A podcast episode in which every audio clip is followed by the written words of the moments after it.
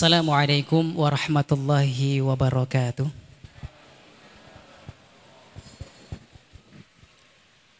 Alhamdulillah walhamdulillah thumma alhamdulillah wassalatu wassalamu ala rasulillah Muhammad ibni Abdillah wa ala alihi wa ashabihi wa man tabi'a rushdah قال الله تبارك وتعالى في القرآن الكريم أعوذ بالله من الشيطان الرجيم بسم الله الرحمن الرحيم. يا أيها الذين آمنوا اتقوا الله حق تقاته ولا تموتن إلا وأنتم مسلمون. وقال رسول الله صلى الله عليه وآله وصحبه وسلم في حديثه La yasbi'al mu'min min khairin hatta yakuna muntahahul jannah.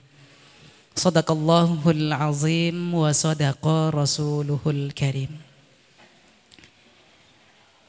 Bapak-bapak, ibu-ibu, adik-adik sekalian yang semoga senantiasa dirahmati Allah Subhanahu wa taala. Alhamdulillah kita senantiasa bersyukur kepada Allah Senantiasa kita memuji Allah Subhanahu wa taala dengan sebaik-baik pujian kita. Senantiasa kita berusaha untuk menjadi hamba Allah yang tasrifun ni'mah ala muradi mu'tiha. Yang kita menggunakan nikmat yang telah Allah berikan kepada kita sebagaimana kehendak Allah memberikan nikmat kepada kita yakni kita untuk imtithalu awamirillah wajtinabu nawahihi fisirran wa alaniyah zahiran wa batinah. Untuk kita senantiasa berusaha menjalankan perintah-perintahnya dan kita menjauhi larangan-larangannya. Oke, belum connect.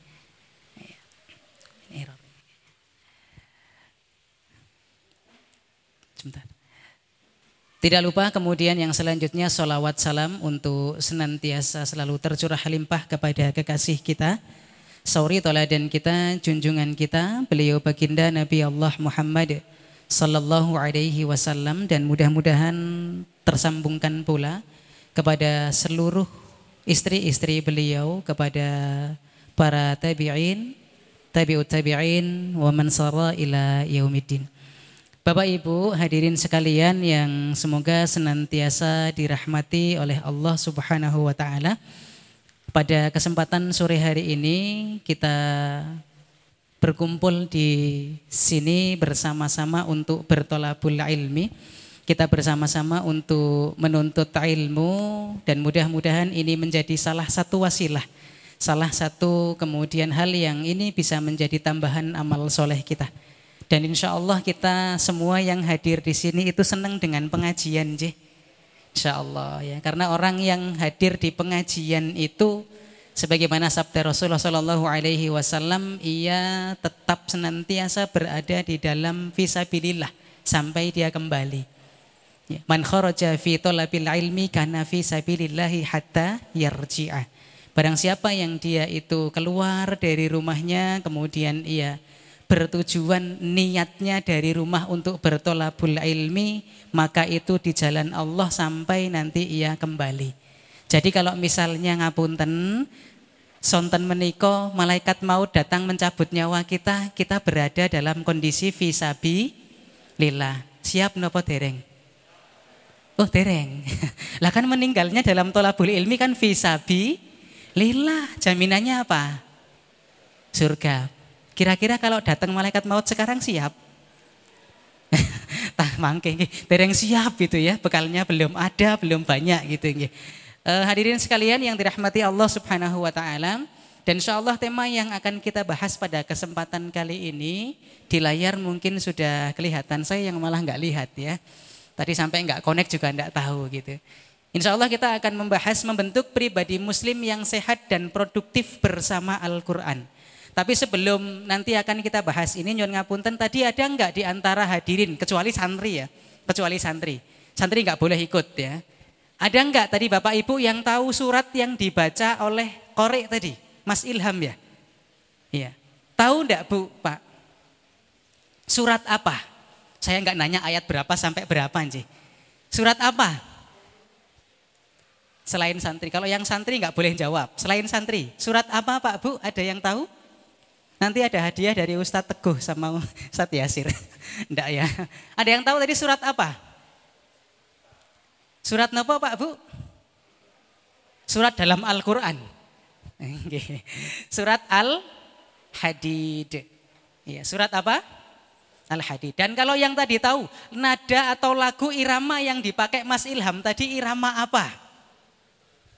Irama bocor Quran pokok men gitu ya. Insya Allah. Irama apa? Jiharka. Ya. Jadi Mas Ilham ya. Mana tadi Mas Ilham? Ya, pakai jiharka ya tadi ya Mas ya. Insya Allah ya. Karena kita akan membahas tentang Al-Quran. Dan tadi sudah diawali dengan Al-Quran. Masya Allah. Surat Al-Hadid. Iya, surat Al-Hadid. Sampai terakhir tadi, tapi nggak dari awal. Nanti kalau dari awal nggak salah, nggak apa, nggak cukup waktunya gitu ya. Bapak Ibu yang dirahmati Allah mengawali. Allah Subhanahu wa taala berfirman dalam Quran surah Al-Furqan ayat yang ke-30. Saya bacakan. Bacaan saya tidak sebagus Mas Ilham ya. Tadi Masya Allah luar biasa. أعوذ بالله من الشيطان الرجيم وقال الرسول يا رب إن قوم اتخذوا هذا القرآن مهجورا وقال الرسول dan Rasul di sini Nabi Muhammad Shallallahu Alaihi Wasallam mengadu, berkata, Ya Rabbi, wahai Robku, wahai Tuhanku, Inna sesungguhnya kaumi, kaumku itu, Ittakhadhu akhoda ya'khudhu. Khud itu mengambil. Ittakhadhu berarti banyak jama ada wawu sama alif di depannya. Menunjukkan bahwa ini banyak. Kaum itu kan banyak. Kaumku itu mereka mengambil, mereka itu menjadikan hadzal Qur'ana Al-Qur'an ini mahjuro sebagai sesuatu yang diacuhkan, sebagai sesuatu yang diabaikan, sebagai sesuatu yang ditinggalkan. Di sini Rasulullah Shallallahu Alaihi Wasallam mengadu kepada Allah perihal kaumnya yang kaumnya itu ittakhadhu hadzal qur'ana mahjuro yang menjadikan Al-Qur'an itu sebagai sesuatu yang diabaikan, sesuatu yang diacuhkan, sesuatu yang kemudian ditinggalkan. Yang dimaksud diacuhkan, yang dimaksud ditinggalkan, yang dimaksud dengan diabaikan itu apa? Di dalam tafsir Ibnu Kasir Maksud dari al-mahjuro. Mahjuro itu orang-orang yang mengabaikan Al-Quran, yang mengacuhkan Al-Quran. Itu apa? Yang pertama dijelaskan tidak mempelajari Al-Quran. Jadi termasuk orang yang memahjurokan Al-Quran, mengacuhkan Al-Quran itu enggan tidak mau mempelajari Al-Quran. Baik itu kemudian yang pertama mempelajari dalam artian orang itu belum bisa membaca Al-Quran. Dan dia kemudian tidak mau belajar membaca Al-Quran. Saya kemarin membuat tulisan di story HP saya. Tulisannya itu begini. Salah dan mengulang beribu-ribu atau berjuta-juta kali dalam membaca atau belajar Al-Quran itu bukanlah aib. Tapi yang namanya aib itu adalah manakala bacaan Al-Quranmu masih berantakan, tapi waktumu hampir habis untuk mempelajarinya. Jadi bukan kemudian aib Bapak Ibu ketika kita belajar Quran, belajar bagaimana bisa Quran, dan salah ketika melafalkan, salah ketika kita kemudian membaca, itu bukan aib. Tapi yang namanya aib itu wis ngerti raiso moco, neng waktunya hampir habis untuk kita belajar Al-Quran. Masya Allah ya. Saya jadi ingat 2016 ketika saya dikirim tugas ke salah satu kabupaten di Kalteng, di Kalimantan Tengah, di Muara Teweh, Barito Utara. Saat itu saya Ya, dikirim karena kita punya program pengentasan buta huruf Al-Quran. Dan kita membawa sakifa waktu itu. Dan Masya Allah, selama 10 hari pertama saya bertugas di masjid itu, tidak punya murid setelah 10 hari. Karena sudah pintar semua, sudah bisa semua. Semangat, datang untuk belajar Quran itu semangat, Masya Allah. Ya, saya melihat yang datang itu malah yang lebih, usianya di atas saya jauh. Kalau saya sekarang usianya 38 tahun, ya, saya sudah tua, sudah 38 tahun, ya. Itu berarti waktu itu usianya itu saya masih 2006 berarti berapa itu, ya? Masya Allah. Itu usia yang belajar itu ke kami lebih dari 50-an. Ada yang sudah purna, ada yang kemudian hari ini sudah dipanggil Allah Subhanahu wa taala. Masya Allah. Mereka semangat, bahkan ada yang datang itu dari dalam. Dari mana? Dari dalam, pedaleman datang dia perjalanan itu Ramadan ya. Sampai kemudian ke kota itu kan agak jauh, harus naik kapal dulu. Itu semangat dari Ba'da Duhur berangkat itu. Ya. Untuk bisa belajar Quran. Dan hari ini Bapak Ibu di Temanggung khususnya sudah banyak sekali para guru, para ustadz yang mengajarkan metode baca Quran. Entah mau yang empat kali pertemuan, entah yang sepuluh menit bisa. Sudah banyak tersedia, tinggal bagaimana kemudian kita semuanya, kalau yang memang belum bisa, mari kita belajar agar kemudian bisa. Biar nanti ketika Ramadan kita membaca Al-Quran itu Masya Allah ya kita tidak bosen. Misalnya nanti kalau sudah bisa ngaji dengan bagus kan bisa belajar lagu-lagu irama kayak tadi Mas Ilham Jiharka. Atau misalnya mau pakai rosnya Syekh Abdurrahman Nasudais. Misalnya contohnya Alhamdulillahi Rabbil Alamin Ar-Rahmanir Rahim Atau misalnya nanti pakai Syekh Misari Rasid misalnya Bismillahirrahmanirrahim. Mau pakai ros, mau pakai nahawan yang tadi Atau mau pakai hijaz misalnya. Alhamdulillahi Rabbil Alamin Ar-Rahmanir Rahim Jadi kalau kita bacanya itu enak, bagus itu Masya Allah tidak bosan kita.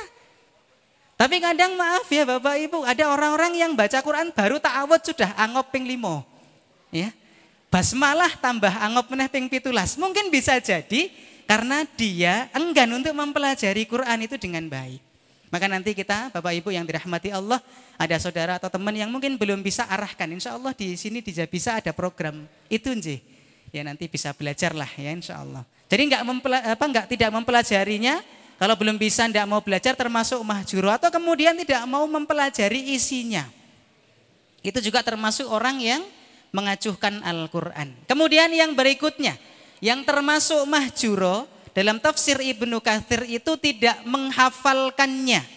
Tidak menghafalkannya. Alhamdulillah saya diberikan Allah kesempatan untuk kenal dengan Al-Qur'an. Ya. Walaupun saya belum menyelesaikan hafalan 30 juz, ya, paling baru tiga surat. Andalannya triple kul.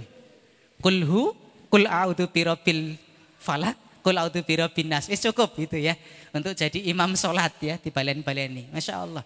Tapi kita berusaha menghafalkan. Nanti Bapak Ibu selepas pulang dari sini, ini anak-anak di depan tadi, Masya Allah dan di pondok ini jadi motivasi kita. Untuk kita kemudian menghafal Quran. Semampu kita. Kita pernah mengadakan dengan teman-teman itu namanya musbob. Menghafal untuk sebodoh-bodohnya orang. Caranya bagaimana? Diulang-ulang satu ayat diulang-ulang. Misalnya kita mau membaca An-Naba misalnya. Amma yatasaalun 'anin naba'il 'azim. Ya, ulang. Berapa kali? Sepuluh kali. Kalau sudah hafal nanti cara yang pertama dibaca diulang sepuluh kali dilihat dulu. Yang saya praktekkan ya. Kemudian selepas itu ditutup diulang lagi sepuluh kali.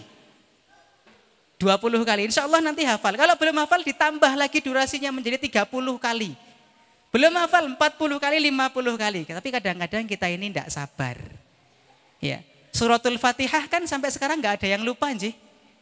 Karena apa? Sering diulang, ulang. Maka nanti caranya begitu menghafal itu. Diulang, ulang, ulang terus ya.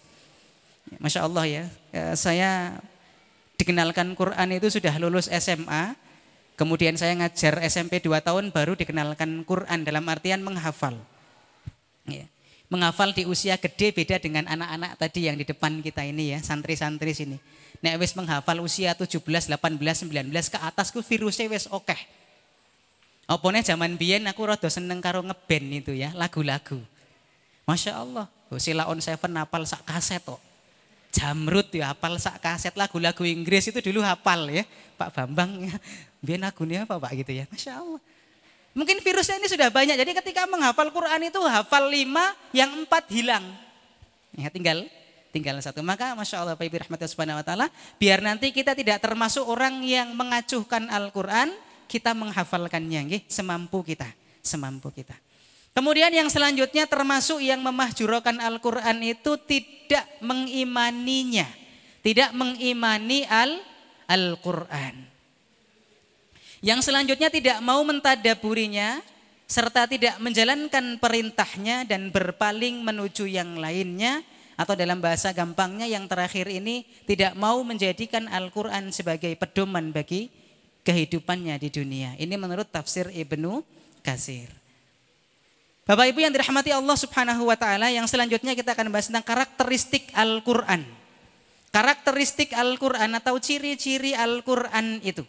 Apa sih karakteristik Al-Qur'an? Al-Qur'an itu adalah kitab ilahi dan Al-Qur'an adalah kitab suci yang terpelihara. Ya, saya bukakan ya. Ini ada slide yang berikutnya. Ini jangan dibaca ini data saya, nggih. Nanti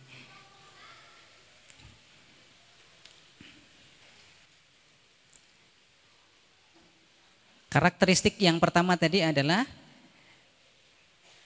Al-Quran itu adalah ya, kitab ilahi dan kemudian Al-Quran itu ya, diturunkan oleh Allah Subhanahu wa taala langsung ya.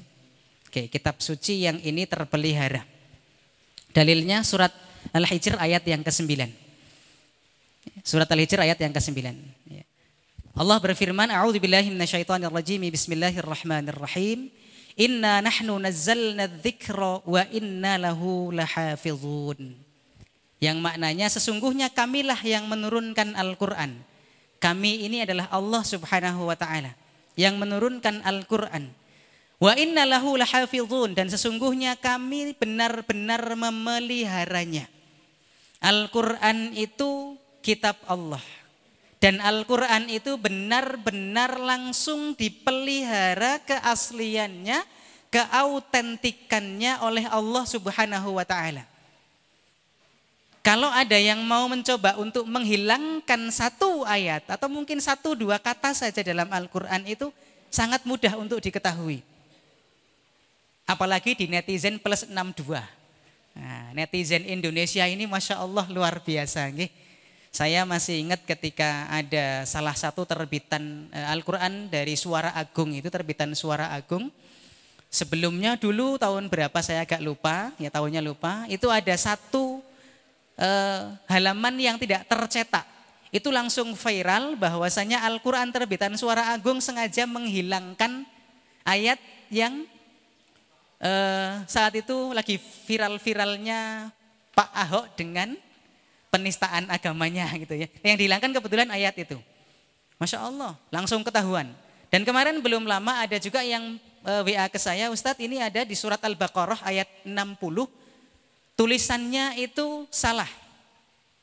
Harusnya ya kirodatan khasiin pakai hamzah, tapi tertulis kirodatan khasyiin pakai shin, pakai ain. Ya. Jadi ketahuan. Sangat-sangat betul-betul cepat kalau ada orang-orang yang hari ini mau memalsukan Al-Quran. Sangat-sangat susah, sangat-sangat sulit dan bakal ketahuan. Ya, insya Allah sangat-sangat sulit untuk mereka tidak ketahuan. Sulit sekali. Anak-anak yang di depan sini termasuk anak-anak yang penghafal Quran.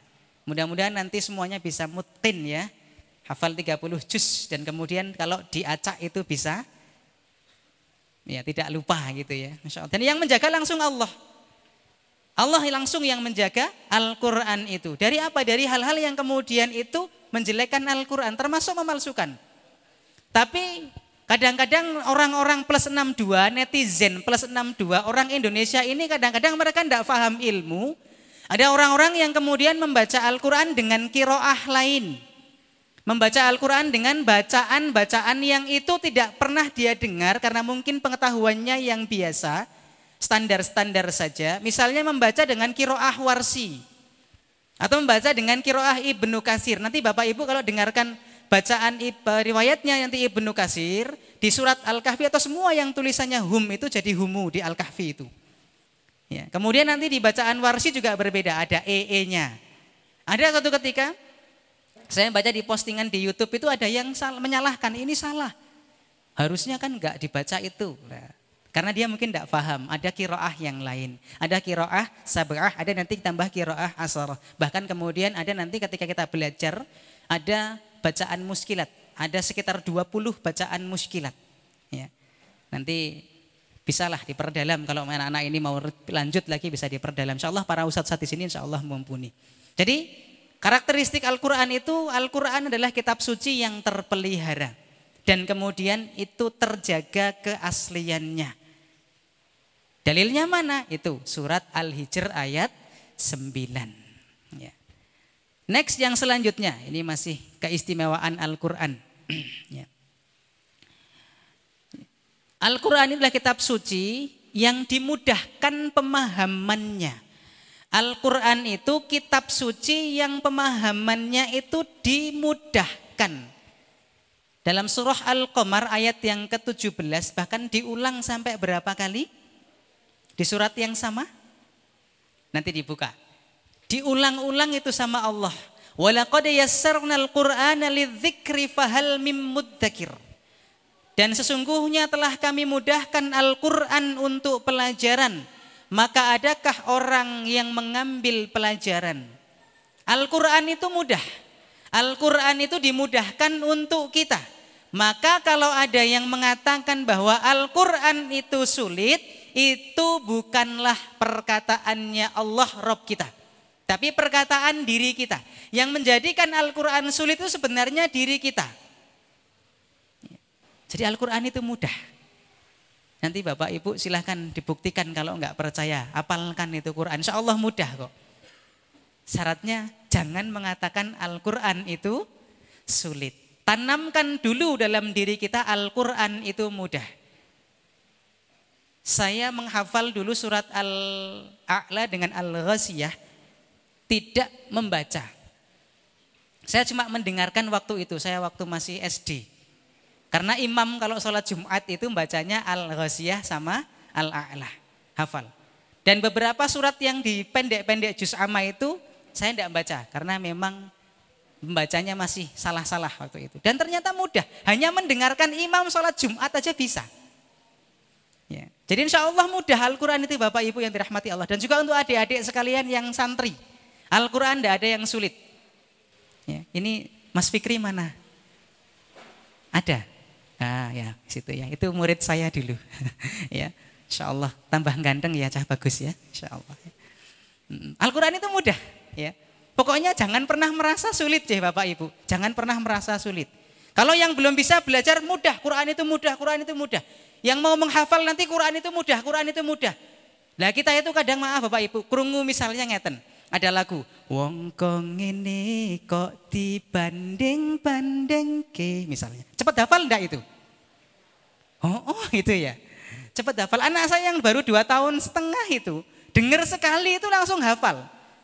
Ya, langsung hafal tuh. Anak saya tuh yang terakhir ini yang ketiga.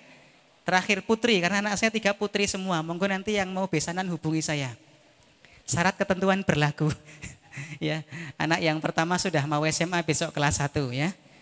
Nah, santri-santri setor sih telung puluh jus nih ngarepe bapak nih.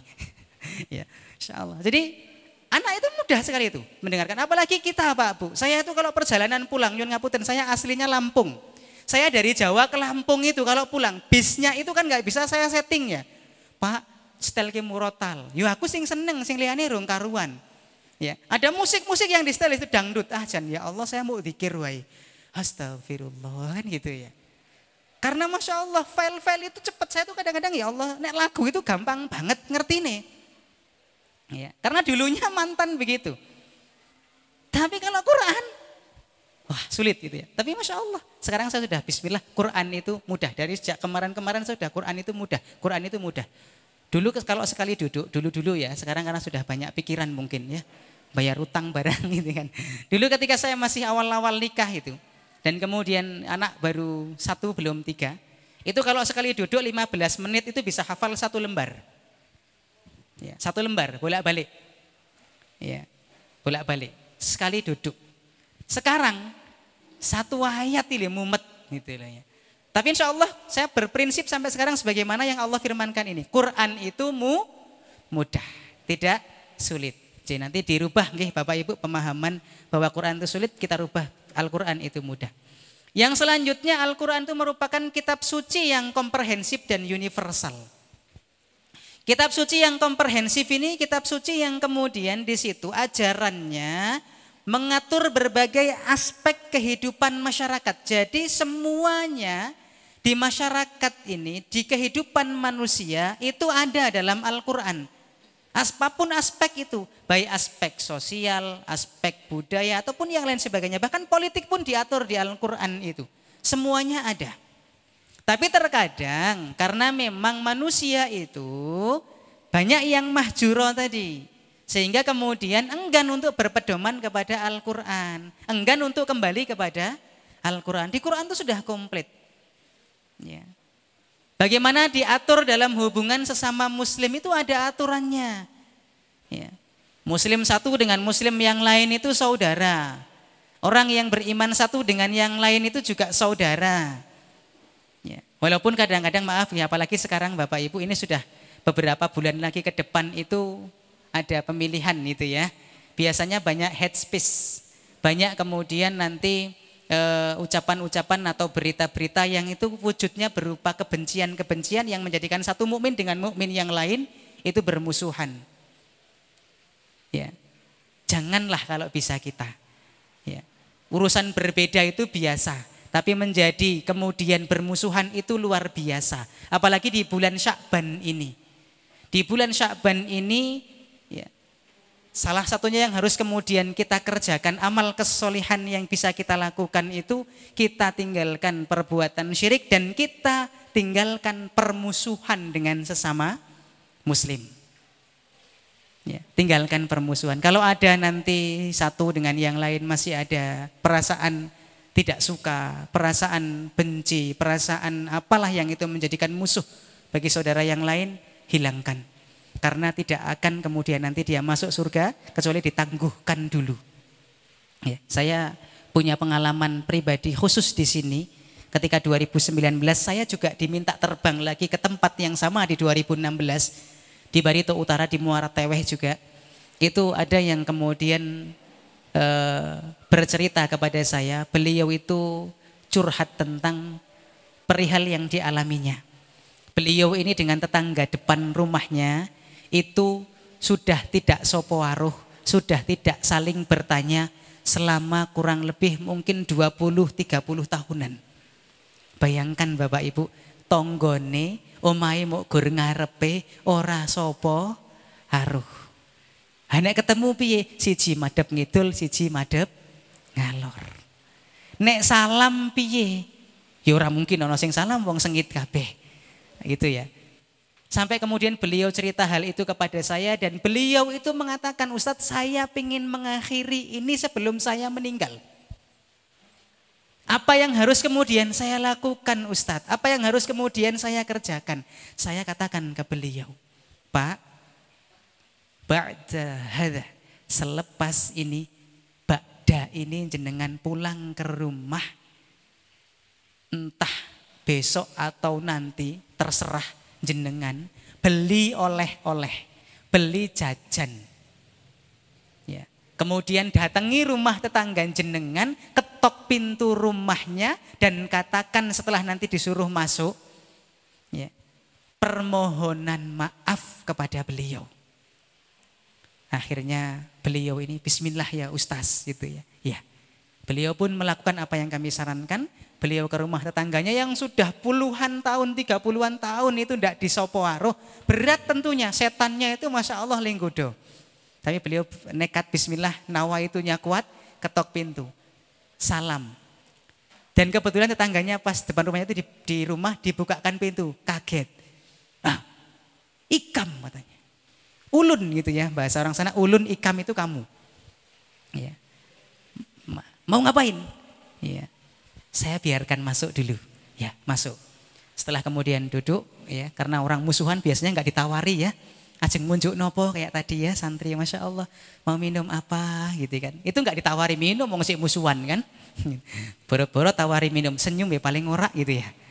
ya. Kemudian mau apa gitu ya. Akhirnya dia memberanikan diri ya mas itu bahasa kita sudah puluhan tahun ya kita tidak saling bersapa, tidak bertutur kata.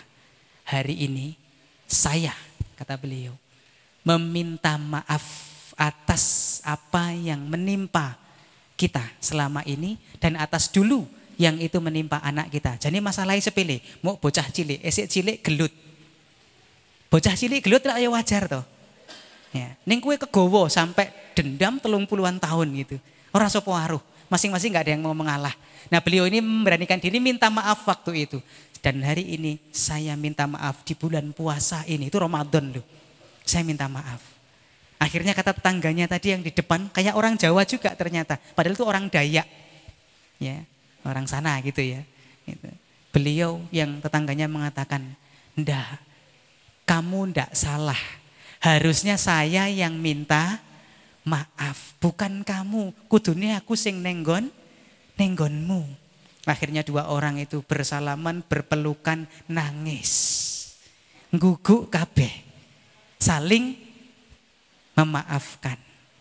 Masya Allah, selepas itu beliau dengan perasaan senang, senyum, mendatangi saya ba'da subuh di masjid. Ustaz, Alhamdulillah Ustaz, sudah selesai. Sudah selesai. Oke. Okay. Masya Allah. Harusnya itu di bulan Sa'ban selesai. Biar Ramadan nggak kejadian kayak gitu. Dan hari ini kalau misalnya kita ini masih kok musuhan, ingat firman Allah al-mu'minu ya, akhul mu'min itu.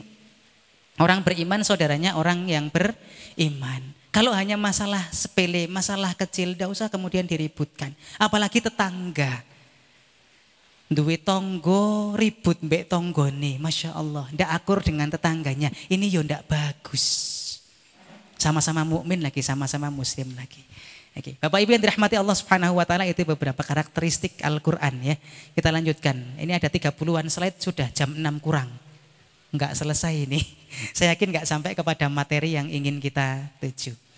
Ya, keajaiban Al-Qur'an ini ya, nanti kita selesaikan sebentar lagi. Nanti filenya saya tinggal aja biar disampaikan sama Ustadz yang di sini nanti ya, Ustadz Teguh atau nanti mungkin Ustadz uh, Heri atau yang lain sebagainya keajaiban Al-Quran. Ya, Al-Quran itu mukjizat yang paling monumental sepanjang sejarah. Ya, karena apa? Keautentikannya, universalismenya, keseimbangan Al-Quran, kelengkapan Al-Quran, dan keaktualan tanazulnya Al-Quran. Keaktualan tanazul itu berarti turunnya ya Al-Quran itu betul-betul aktual. Yang selanjutnya Bapak Ibu rahmati Allah, Misi Al-Quran dan keutamaan berinteraksi dengan Al-Quran. Misi Al-Quran itu apa sih? Dan keutamaan berinteraksi dengan Al-Quran itu apa? Misi Al-Quran. Yang pertama hidayatun nas ila dini al-haq atau ila dinil haq. Hidayatun nas, petunjuk bagi manusia. Ila din al-haq, kepada agama yang benar, agama yang lurus. Kalau kita bepergian misalnya Bapak Ibu, yang kita belum tahu alamatnya, kita perlu petunjuk. Dan kita hari ini sudah diberikan Allah Subhanahu wa taala petunjuk untuk nanti kita bisa menuju tempat yang ingin kita tuju bersama, yakni jannahnya Allah Subhanahu wa taala. Kalau kita kemudian kok jauh dari Al-Qur'an, kita tidak berinteraksi dengan Al-Quran, bahasa gampangnya kita jauh dari petunjuk untuk sampai kepada tujuan. Kalau hari ini kita mau menuju satu tempat, Kita ada yang membantu kita namanya Google Map. Kita nggak tahu pun bisa klik walaupun nanti mungkin disasar-sasar ke sidik kan gitu ya. Tapi sampai kepada tujuan. Lah kita tentunya ingin menuju jannah Allah Subhanahu wa taala, tapi kemudian kita jauh daripada Al-Qur'an. Maka sebuah hal yang mustahil bagi kita untuk sampai tujuan. Maka Bapak Ibu yang dirahmati Allah, kita dekatlah sekarang, interaksilah kita dengan Al-Quran. Karena Al-Quran itu punya misi hidayatun nas ila din al-haq. Petunjuk bagi manusia menuju ya, agama yang benar, agama yang lurus yakni Islam. Agar nanti kemudian kita bisa sampai kepada jannah Allah. Kemudian yang kedua, misi Al-Quran itu sifat lima fis sudur. Sifat lima fis sudur itu obat bagi apa-apa yang terdapat di dalam hati kita. Berupa sakit-sakit. Hati kita ini kadang sering sakit. Penyakit hati kita itu kadang banyak. Melihat orang lain itu kadang hati kita bisa sakit.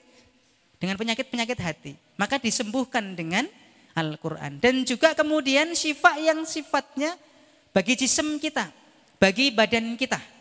2006 sampai 2010 saya aktif jadi terapis ruqyah.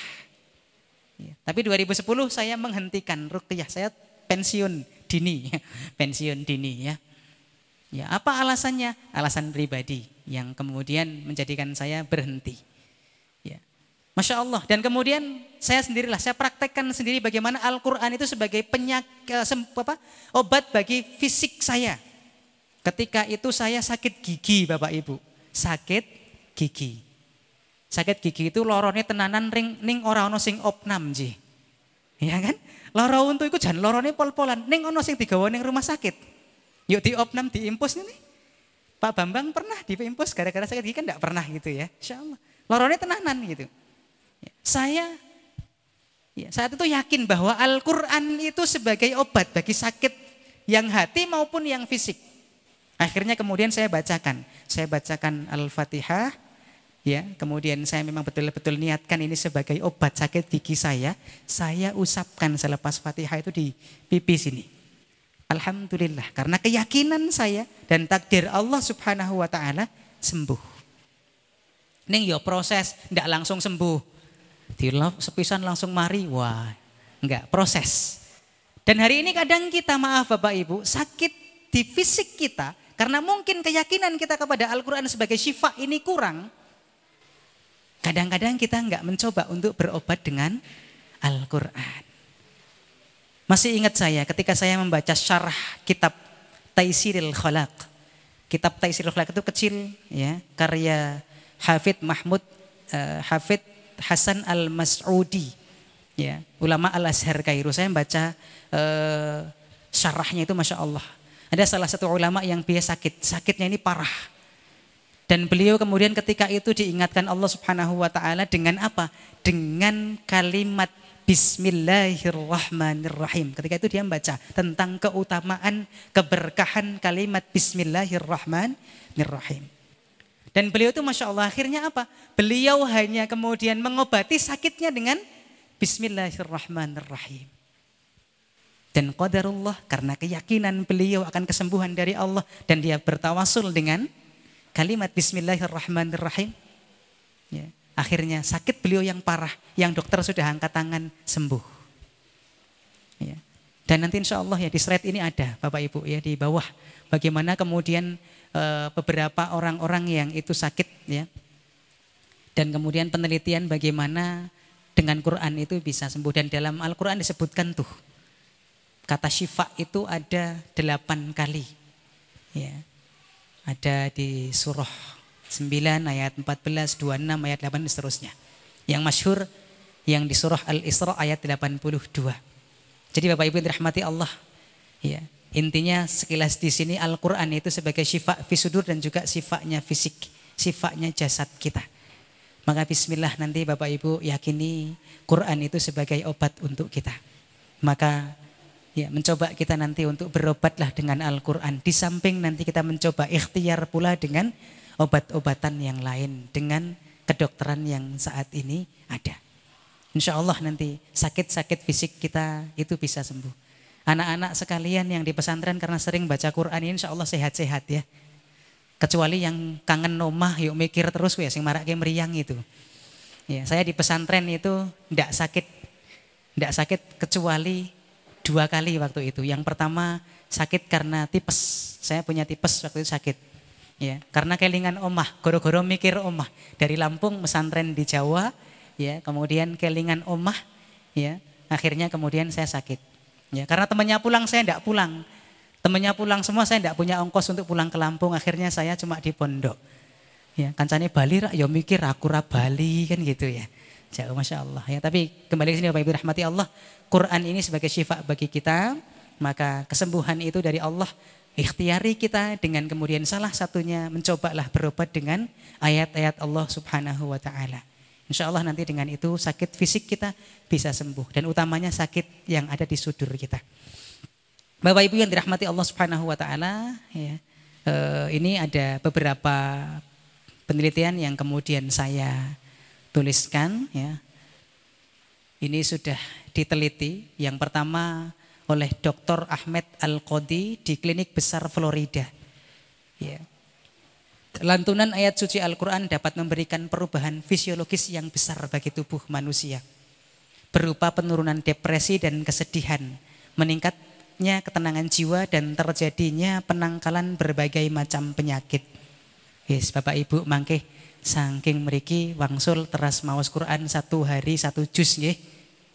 Insyaallah nggih, sakit satu hari satu juz? Insyaallah. Juz satu gitu ya. Nanti dibaca satu juz. Kalau tidak bisa yo semampunya. Karena Masya Allah bisa menangkal berbagai macam penyakit. Mungkin kita bisa merefleksi ke belakang, kita bisa belajar dari waktu-waktu yang dulu kita sakit mungkin salah satunya jarang moco Quran. Kita sakit itu jarang moco Quran. Ya. Kemudian selanjutnya membaca Al-Quran terbukti efektif meredakan stres, gelisah, dan kecemasan. Dan kemudian menstabilkan tekanan darah dan denyut jantung. Ya. Bapak Ibu, saya pengalaman pribadi. Beberapa bulan ke belakang, di bulan Mei waktu itu, saya cukup kaget ketika saya e, merasakan badan tidak nyaman. Dan ternyata setelah saya cek, gula darah saya tinggi.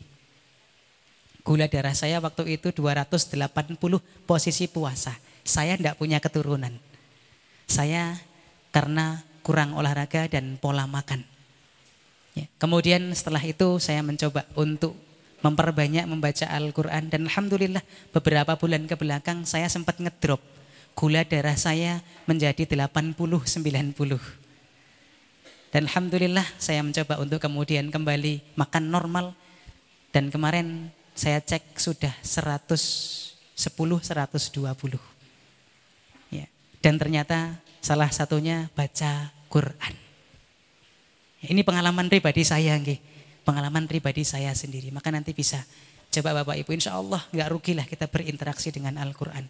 Karena sebagai syifa bagi kita. Saya yang sudah kemudian buktikan secara langsung. Maka nanti Bapak Ibu ya menstabilkan tekanan darah dan denyut jantung ini memang luar biasa. Nah, nanti silahkan satu bacaan Al-Quran itu memiliki tingkat relaksasi paling baik. Ya. Dan kemudian meningkatkan daya ingat dan mempertajam konsentrasi. Nah, kalian semua di sini jangan bosan menghafal Quran karena insya Allah daya ingat kamu luar biasa. Saya punya teman pesantren itu juara satu dari belakang. Di pesantren nggak betah karena mungkin dia merasa dia paling pinter dalam tanda kutip gitu ya. Tapi sebenarnya banyak yang lain juga. Wong teman-teman saya tuh yang usia usianya di atas saya, ada yang pesantren 30 tahun tuh menghafal Quran tuh ndak hafal-hafal, ujian itu nangis. Karena apa? Soalnya bahasa Arab semua gundul. Ya. Itu ketika itu anak itu dari pesantren keluar pindah ke sekolah SMA negeri. Di sekolah SMA negeri setelah kemudian dia main ke pesantren ditanya, gimana? Jawabannya apa? Aku neng SMA negeri juara siji sekong Arab. Bedo pas neng pondok juara siji sekomburi. Lah ngopo? Ternyata rahasianya karena saya di pondok walaupun berat ngapal Quran. Jebul baru aku moco H L I N A K R B C S F R gitu ya. Itu rumus kimia gitu ya. Jadi gampang menghafalnya. Oh, berarti nek ngono, nek cah-cah santri sing biasa maca Quran, kowe nek ngapal sing tulisan Indonesia Latin luwih gampang. Iya. Dia yang membuktikan sendiri. Di pesantren juara satu dari belakang, di luar pesantren juara satu dari depan. Maka Masya Allah, tingkatkan daya ingat, tingkatkan daya konsentrasi kita dengan cara interaksi kita dengan Al-Quran. Bapak Ibu dirahmati Allah sudah jam 6 lewat, ya kita cukupkan saja insya Allah. Ini nanti ada slide yang lain, nanti bisa di uh, copy kalau mau nanti bisa saya kirim, bisa saya kasihkan. Dan mari Bapak Ibu dirahmati Allah di akhir-akhir waktu ini kita berdoa kepada Allah. Mudah-mudahan apa yang nanti kita mohonkan kepada Allah, Allah ijabahi, Allah kabulkan. أعوذ بالله من الشيطان الرجيم. بسم الله الرحمن الرحيم. الحمد لله رب العالمين. الرحمن الرحيم. مالك يوم الدين. إياك نعبد وإياك نستعين. اهدنا الصراط المستقيم. صراط الذين أنعمت عليهم غير المغضوب عليهم ولا الضالين. اللهم صل على محمد وعلى آل محمد كما صليت على إبراهيم وعلى آل إبراهيم. وبارك على محمد وعلى آل محمد كما باركت على إبراهيم وعلى آل إبراهيم إنك حميد مجيد. اللهم اغفر للمؤمنين والمؤمنات والمسلمين والمسلمات الأحياء منهم والأموات إنك سميع قريب مجيب دعوات. اللهم إنا نسألك الفردوس الأعلى الجنة يا الله اللهم إنا نسألك الفردوس الأعلى الجنة يا الله. اللهم إنا نسألك الفردوس الأعلى الجنة يا الله. اللهم إنا نسألك الهدى والتقى والعفاف والغنى. يا الله يا رحمن يا رحيم يا أحد يا صمد لم يلد ولم يولد ولم يكن له كفوا أحد. Kami mohon kepada Engkau ya Allah sore hari ini. Ampuni dosa-dosa dan kesalahan-kesalahan kami. Ampuni dosa-dosa dan kesalahan-kesalahan kami ya Allah. Baik yang itu kami lakukan dengan sengaja ataupun yang kami lakukan tidak dengan sengaja ya Allah. Ya Allah ya Rahman ya Rahim ya Hayu ya Qayyum ya Aziz ya Ghafur. Ampunilah pula kesalahan dan dosa kedua orang tua kami ya Allah. Dan ketika mereka masih hidup ya Allah izinkan kami untuk bisa berbakti kepada mereka ya Allah. Dan ketika mereka telah meninggal ya Allah, kami mohon tempatkanlah mereka di tempat yang terbaik di sisi Engkau ya Allah. Ya Allah, Ya Rahman, Ya Rahim, Ya Ghafur. Kalau tidak kepada engkau kami mohon pengampunan, maka kepada siapa lagi Ya Allah? Ya Allah ya Rahman ya Rahim Allahumma rahamna bil Quran Allahumma rahamna bil Quran Allahumma rahamna bil Quran Rabbana atina fid dunya hasanah wa fil akhirati hasanah wa qina azaban nar وصلى الله على نبينا محمد صلى الله عليه وسلم سبحان ربك رب العزة عما يصفون وسلام على المرسلين والحمد لله رب العالمين Mohon maaf segala salah dan kurang kami akhiri. Alhamdulillah Rabbil Alamin. Assalamualaikum warahmatullahi wabarakatuh.